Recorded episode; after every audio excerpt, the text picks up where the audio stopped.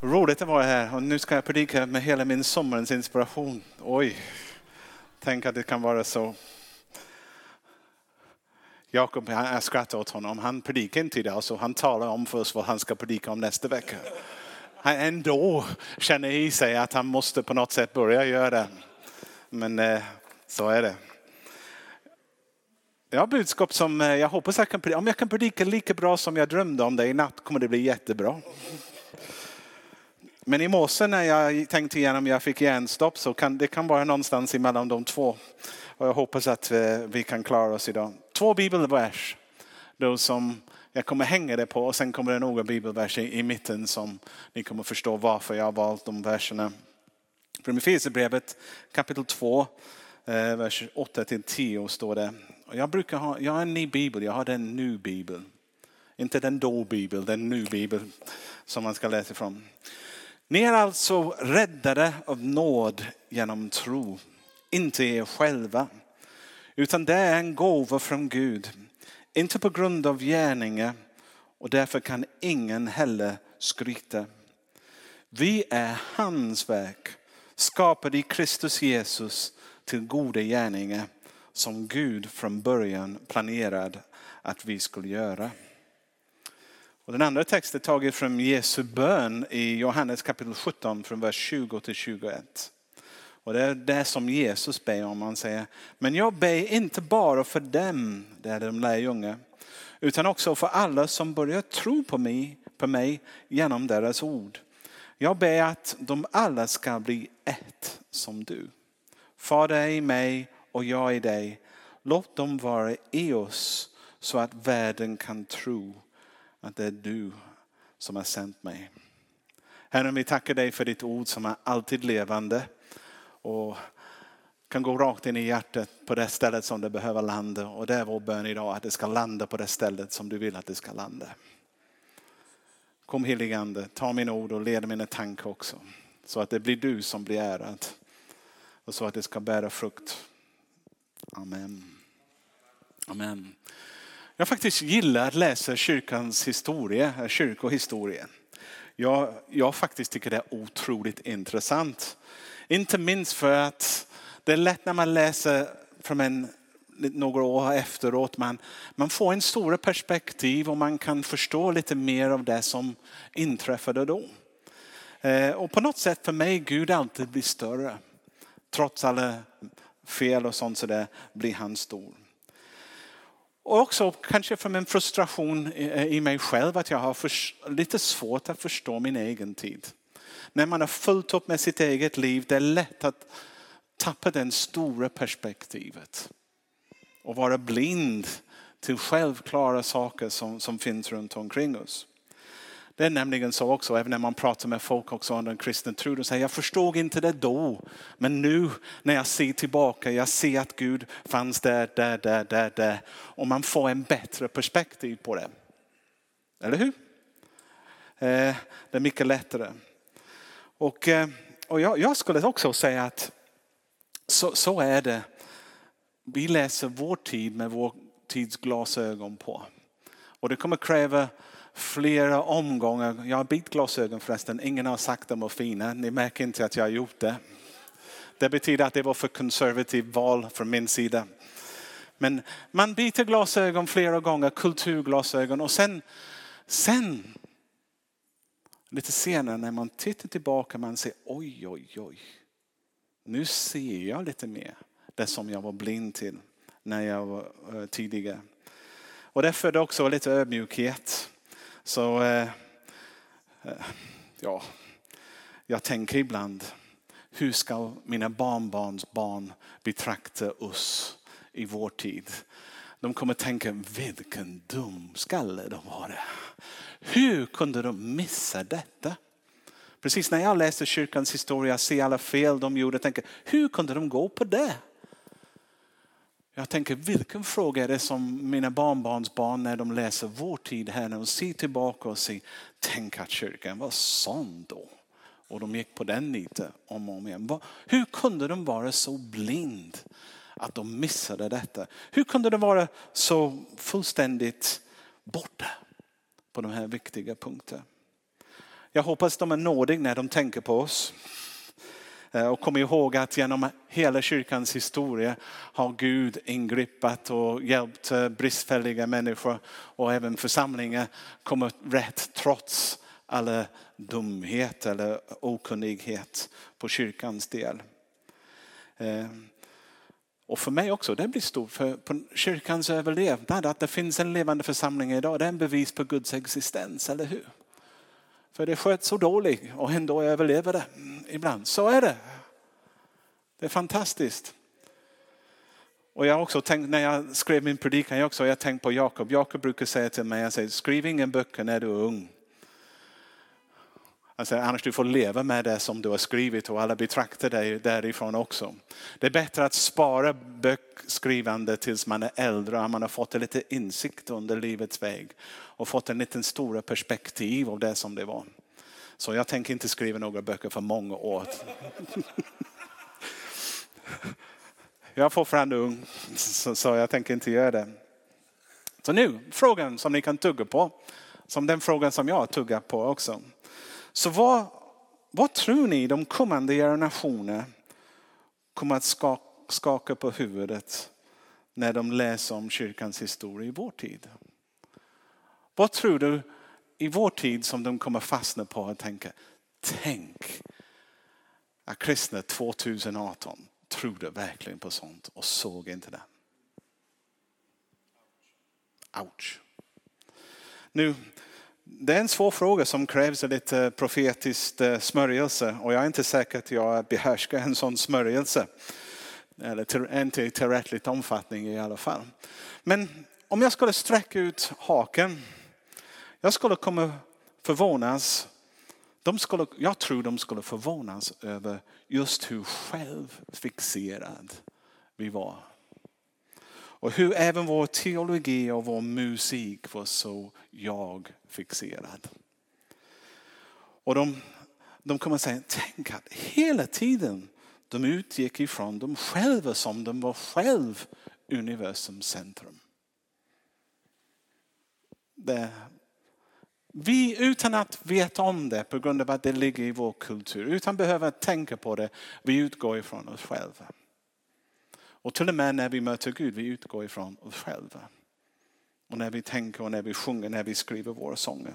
Och vi undrar varför vi mår inte så bra hela tiden ibland. Jag kan tänka att de kommande generationerna kommer att undra hur i hela världen missade de detta. De skulle ha gjort en 180 grader sväng på denna punkten. Men de gjorde inte det. Låt mig ge några exempel för er så att ni förstår hur jag tänker i alla fall. Ofta vi pratar i termer av att ta emot Jesus. Eller hur? Eller att bjuda honom in i vår liv. Det låter sant och låter bra. Och jag predikar det många gånger också själv. Men eh, i ärlighetens namn kan jag, lilla jag, bjuda in hela universums skapare och herre in i mitt liv. Finns det plats här inne för den stora universums Gud att faktiskt hela honom i mig? Ja, men det är inte det som vi menar. Ja, jag förstår att det är inte det som vi menar. Vi menar att vi, vi, vi, vi ger honom plats i våra liv. Men, men låt mig återkomma också lite mer.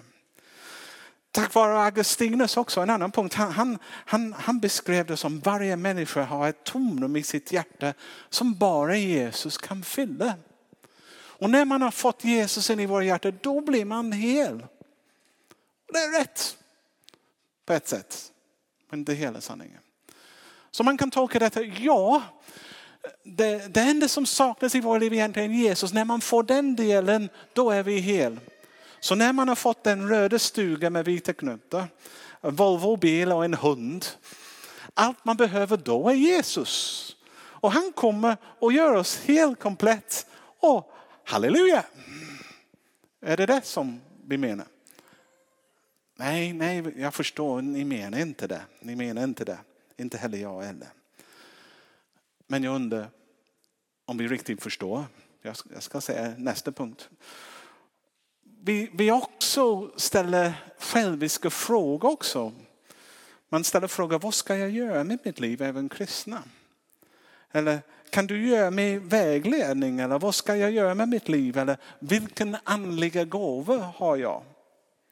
Och hela tiden vi utgår ifrån ja. Vad är min eller vad? Och jag skulle säga den klokaste sak vi kan göra egentligen är att börja utgå ifrån från Gud som är i centrum. Som, det är Gud som är centrum på. Vem är du? Vad vill du Gud att jag ska göra? När och hur? Var finns verktygen? Lite sånt. Nu, fråga också, vi kan komma från fel sidan ibland som gör att, jag minns att jag ställde en fråga till min pastor när jag sökte en fru. Ni har aldrig gjort det, det förstår jag. Men eh, jag frågade honom, hur vet man vem är den rätte? Och han sa till mig egentligen, Andrew, först och främst du tar reda på vad Gud, vem du är i Gud och vad Gud har för dig i ditt liv. När du har fått det rätt kan du börja söka efter någon som kan hjälpa dig komma dit. Eller komplettera dig. Man säger, få den saken gjort först. Sen kan du börja leta. Det var klockråd och jag ger det vidare till er. För några är det för sent, men jag vet. Men det får vi leva med.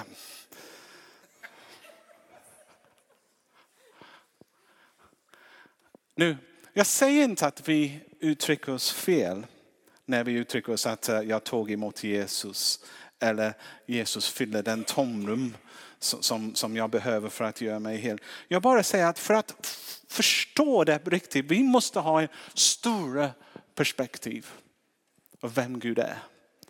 Så att vi förstår, även om vi säger det på det sättet, egentligen vi menar någonting annat som är så mycket, om, så mycket större än vad vi är. Och vi är inte i centrum av de här frågorna. Det är Gud som är i centrum. Eh, låt mig uttrycka det i några bilder. Moderna liknelser kan man säga. Jag lärde mig från en man som heter Jesus i Bibeln. Han talade ofta med liknelser och folk tyckte det var bra och följde honom. Så jag tänkte jag kan använda dem också. Och jag vill använda en bild som många evangelister har använt när de försöker beskriva vad det är som händer när man blir frälst. Man blir räddad. De också beskriver det av, tänk att du är i havet. Din båt har sjunkit, du håller på att drunkna. Och, inte bara där du blir utmattad, det är kallt, du vet att, eh, att din tid är begränsad, vad du kan överleva. Och vi, lägger, vi kan slänga in om man är riktig evangelist några hajar också som är runt, som är lite hungriga också, bara för att beskriva den fara som man befinner sig i.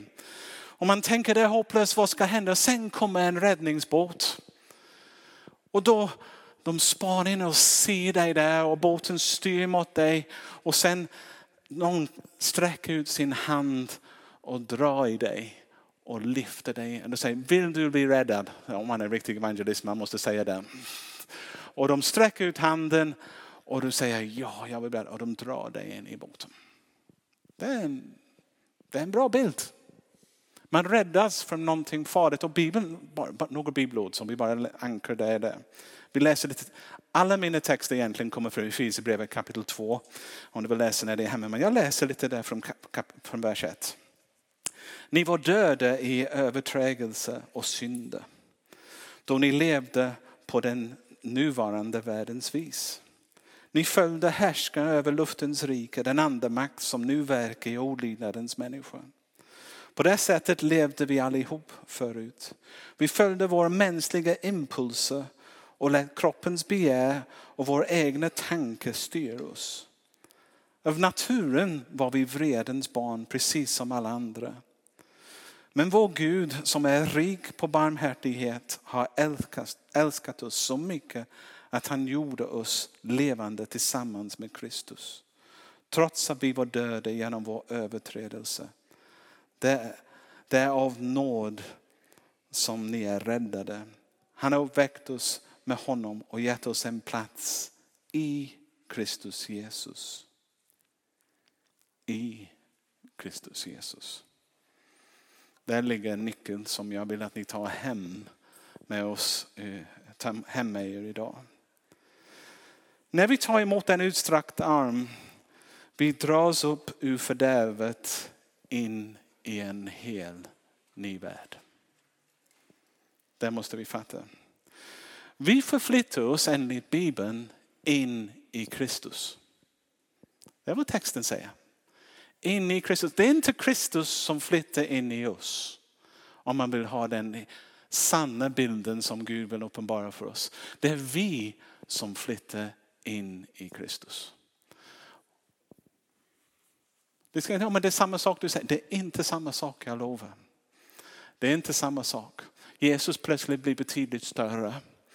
Och plötsligt man förstår att om man har bilden av en räddningsfartyg, om man ser Guds rike som går förbi, du räddas och lyftas in i en annan miljö, en annan verklighet, en annan eh, sätt att leva andra värderingar och allt sådär. Du lyftas ur någonting som är destruktiv och placeras in i någonting som är hel. Du blir hel själv när du kopplas in med Kristus, inte när Kristus kopplas in på dig på det sättet. Helheten är i honom, inte i du eller inte i dig.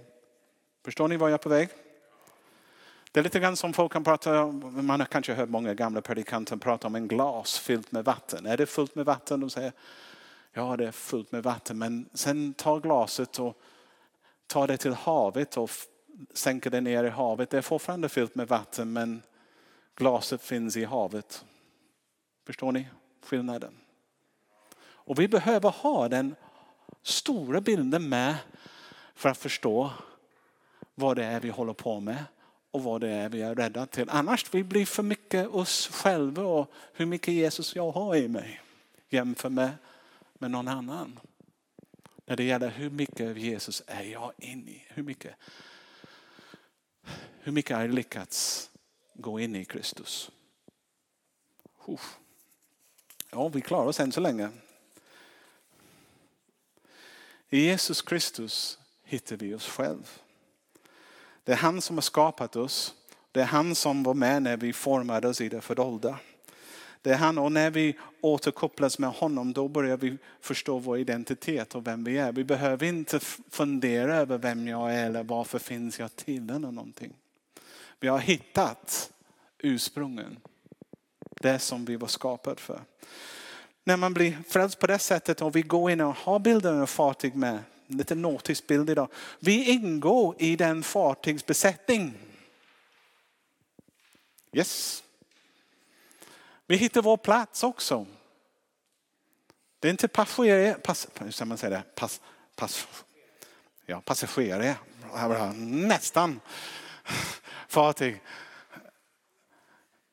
Det är en räddningsfartyg som vi, vi lyftas in i. Och vi också kommer tilldelas en uppgift i den. Och då också kan vi njuta av den trygga miljön. Och veta att det spelar ingen roll vad jag gör eller inte gör för fartyget rör på sig ändå. Jag lyftas ur någonting fördärvligt, osäkert, någonting som jag var centrum och jag hade ingen kontroll över. In i en annan värld var den allsmäktiga har full kontroll över. Och det är han faktiskt bär mig. För jag har förflyttat mig från en liten Gud, mig själv, till en jättestor, den enda sanna guden. När jag går in i Kristus. Jag understryker det i min anteckning. Vi flyttar in i hans värld, hans rike. Och detta är ingen tillägg till ett normal liv. Det är någonting fullständigt nytt. Till och med när vi, om man tänker bilden av en fartyg, jag kan tänka mig Guds rike är större än församling, men varje församling är en räddningsfartyg. Och hur kommer man in i en församling? Man döps in i. Man lägger inte en församling, ja jag är andra, jag är med i sportklubben, jag jobbar på det sättet, åh jag har en församling där borta. Församlingen är Kristi kropp. Vi går in i Kristi kropp.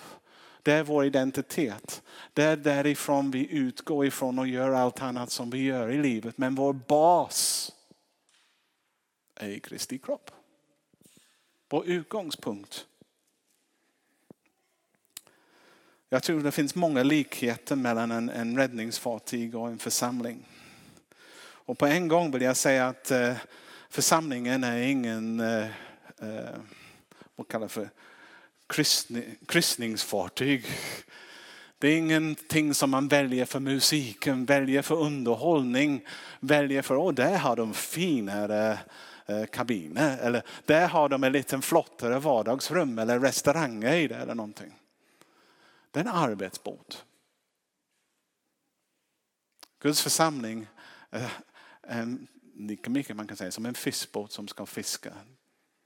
Tanken är att det har en uppgift. Det är skapad inte för underhållning. Det är skapad för att fullborda det syfte som Herren vill fortsätta göra. Genom. Eh, inte heller, jag kanske skulle säga det. Man ska inte byta församling hur som helst. Ja, man ska inte byta församling.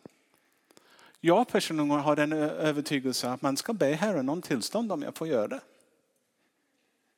Eftersom det är han som har satt mig om man tror på Guds ord. Jag får inte bara tänka, ja men jag får jag väljer, jag går och prövar den där borta eller prövar den där borta och går där lite sånt sådär. Du kan göra det.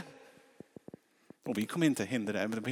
Jag pratar inte nu att vi ska ha kontroll över det och hålla. Det handlar inte om den punkten. Det handlar om min inställning till Guds församling. Det är lite grann som när jag var brandman. Jag, ibland befann jag mig på en brandstation som jag gillade inte, officerare och hur det sköts och sånt där. Det var inte bra. Så jag skrev på en speciell blankett till överste. Jag vill förflytta mig till den stationen där borta. Och sen fick jag vänta in om jag fick det eller inte.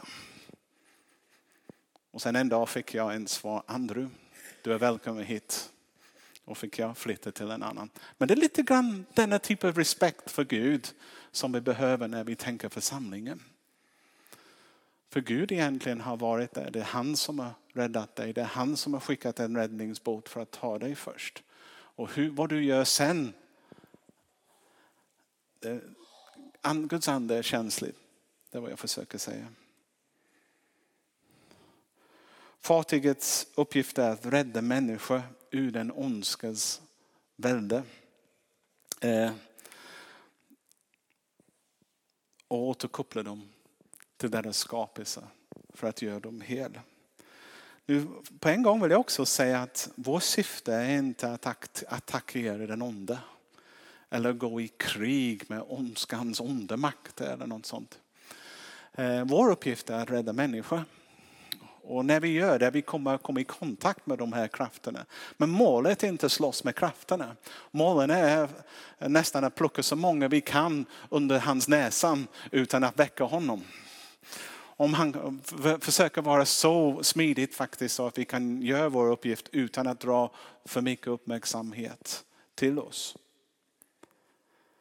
Och när jag tänker på detta, jag tänker på under hela kyrkans historia har det funnits många människor som har en så självsäkerhet i sin tro. Jag är frälst, och jag kan gå och tackla vem som helst.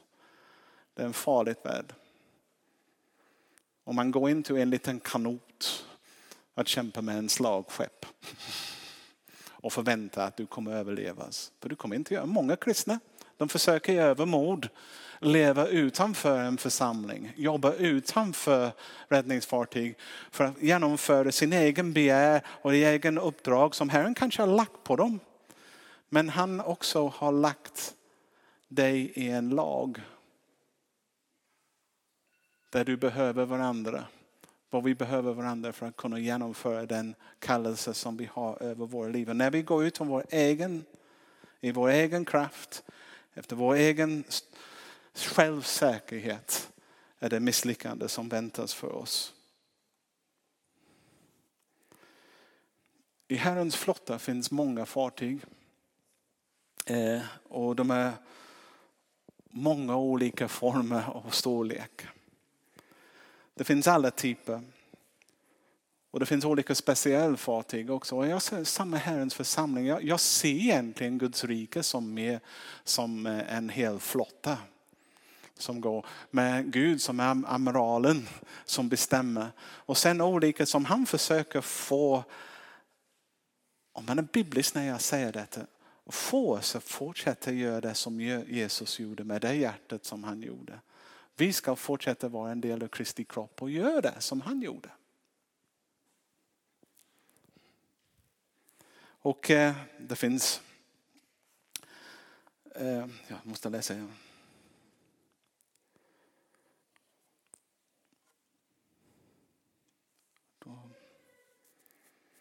I Guds tanke var det att vi skulle komplettera varandra. Det ska aldrig vara någon tävling oss emellan.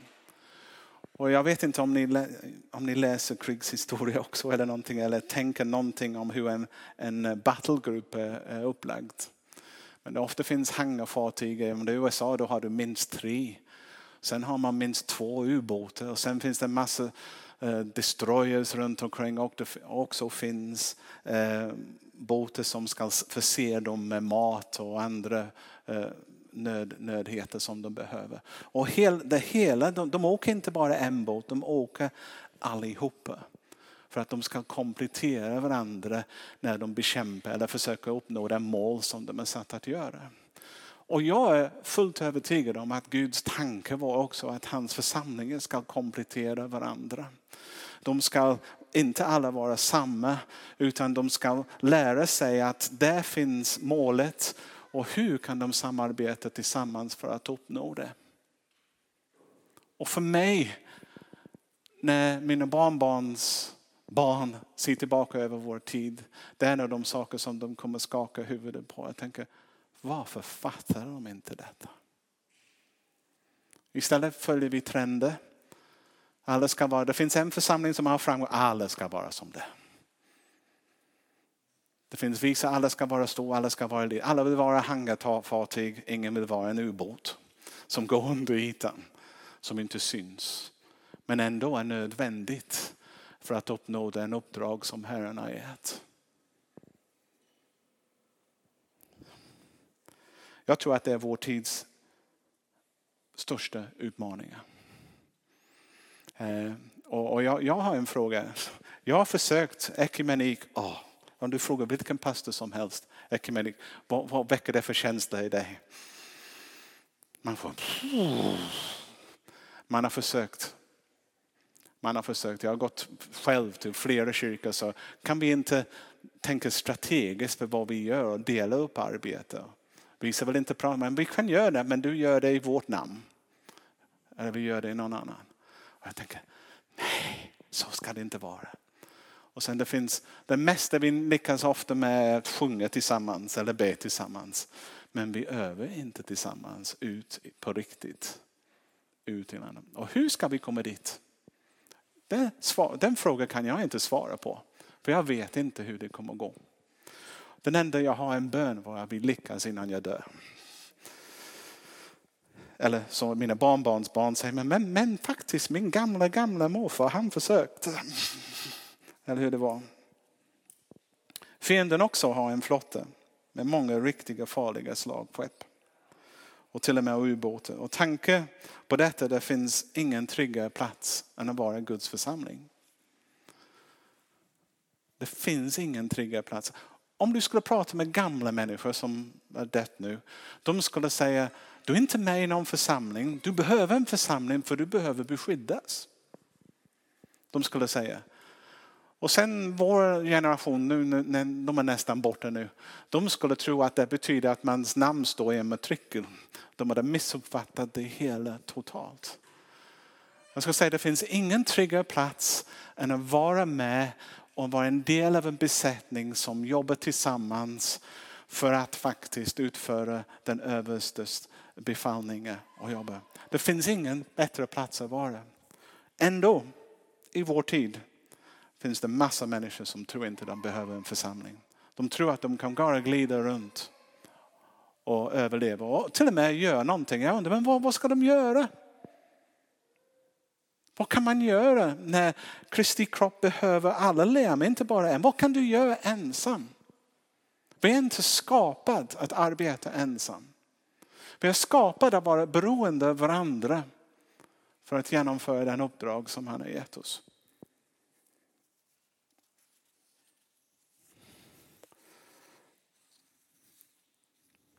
Till sist.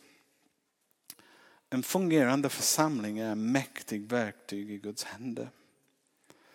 Den är otroligt spännande att vara i. Jag skulle säga också när jag var brandman eh, och när man jobbade i en bra team och man hade en bra, bra team. Det fanns ingenting mer tillfredsställande att komma till en stor eh, nödighet och, och sen se att allt fungerar som det ska. Alla gör sin bit. Eh, när du springer in i en byggnad med vatten, du visste att brandbilen bara hade 2000 liter vatten i sig. Du visste att han som jobbade med pumpen var tvungen att hitta någon, in, någon annan vattenkälla för att fylla på det, annars du var bränd. Kan du lita på att han gör sin del så du kan göra din del? Om du går in och attackerar, om du ska rädda någon när det brinner, du måste veta att okej, okay, jag går in för att rädda, jag har ingen vatten eller någonting, jag har bara rökdykare och grejer. Jag måste lita på att mina kompisar tacklar branden på sin plats så att jag är fri för att genomföra min. Och jag ska säga, när varje gång man gjorde det och man lyckades, vilken känsla det var när man kom hem. Och vilken stolthet man hade att tillhöra en team som faktiskt var jättebra och fungerade. Jag ska säga, det finns ingen större glädje än att vara en del av någonting större än dig själv som faktiskt gör det som man är kallad att göra och gör det bra. Och jag kan, det är mycket mer givande än att gå på en konsert i en kyrka. Eller ha den konsuments tänkande, vad kan jag få från det?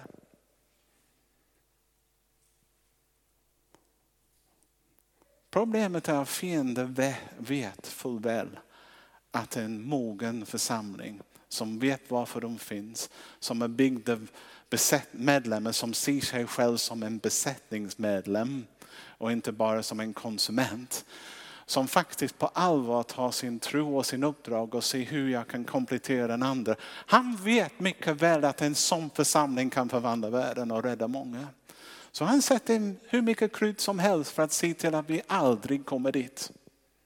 Och han gör det mesta genom att bara få oss att tänka självisk. Tänka utgå ifrån mig istället för ifrån Gud vad han vill. Och när, och jag, jag vill säga det, tänk inte att jag tar emot Jesus. Tänk att du går in i Jesus. Och börjar tugga på det lite. Vad det innebär. Hur kan det låta hemskt? Tugga, de har kritiserat kristna att de äter Jesu Kristi kropp eller någonting sådär. Nu pratar han om att gå in i hans kropp.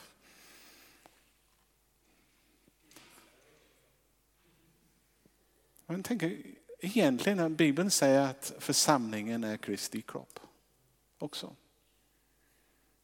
Det är inte samma sak. Jesus är betydligt större och Jesus är, men det är samma principer, samma sak som gäller. En överlåtelse, inte bara att ta del av det utan att gå in i det.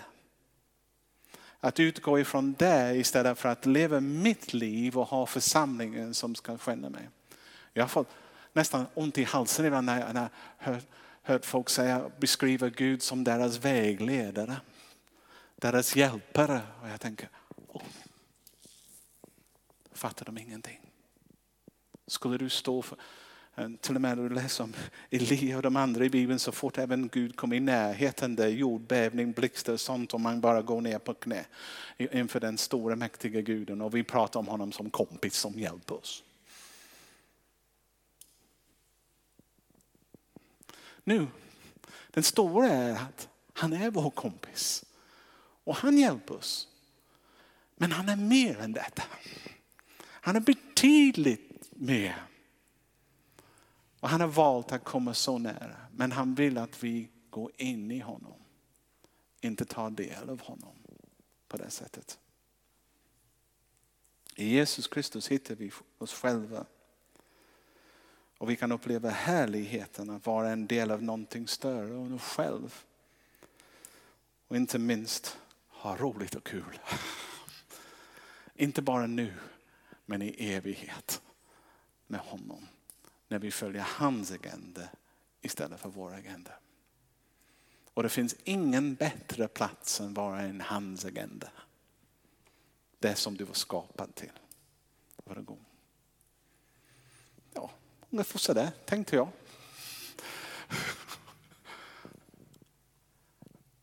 Det är så enkelt, men det är ljusår ifrån var vi är. Och det är ljusår ifrån hur vi tänker i vår tid. Och frågan är, kan det bli verkligt i vår tid? Så låt oss be. Och i den inbjudan vill jag nästan säga, Herren sträcker ut sin hand. Han vill rädda dig. Men han, han säger, vill du vara en del av honom? Vill du ingå i hans liv? Vill du låta honom vara Herre? Vill du följa hans agenda? Vill, vill du komma in i där han befinner sig? Några av er sitter här och kanske tänker, har, har du tagit emot Jesus på det sättet? Har du fattat överlåtelse i detta? Jesus säger, jag sträcker ut min hand. Vill du vara en del av mitt liv? Tackar jag. Om du gör det nu, du kan komma när vi har en förbönstund om en liten stund. För, det låter konstigt ord, men det betyder att vi ber med dig här. Ja, om du har gjort det nu för första gången, jag vill att du säger tala om för mig sen. Okej? Okay. Det är bara då du vet varför du finns. Ditt liv börjar i den stund. Och det är en totalt annat liv än det som du lever innan. Ta emot Jesus. Och du kan säga det nu, även i det. Jesus, jag, jag tar emot din erbjudan. Jag kliver in i din värld. Där du bestämmer. Ditt resa har börjat.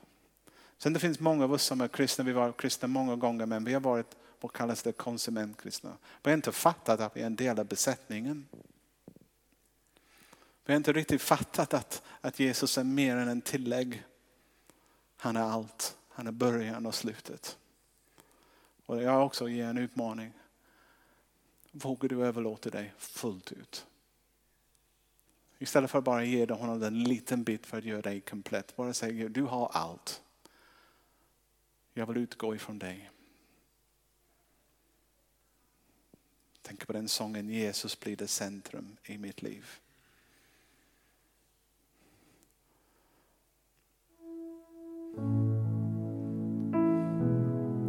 Sen finns det, du är kanske här och du är inte med i en församling. Du kanske varit sårad tidigare, du har varit med och det var inget bra den. Det var en farlig plats, det var inte den plats som, som Jesus rådde i.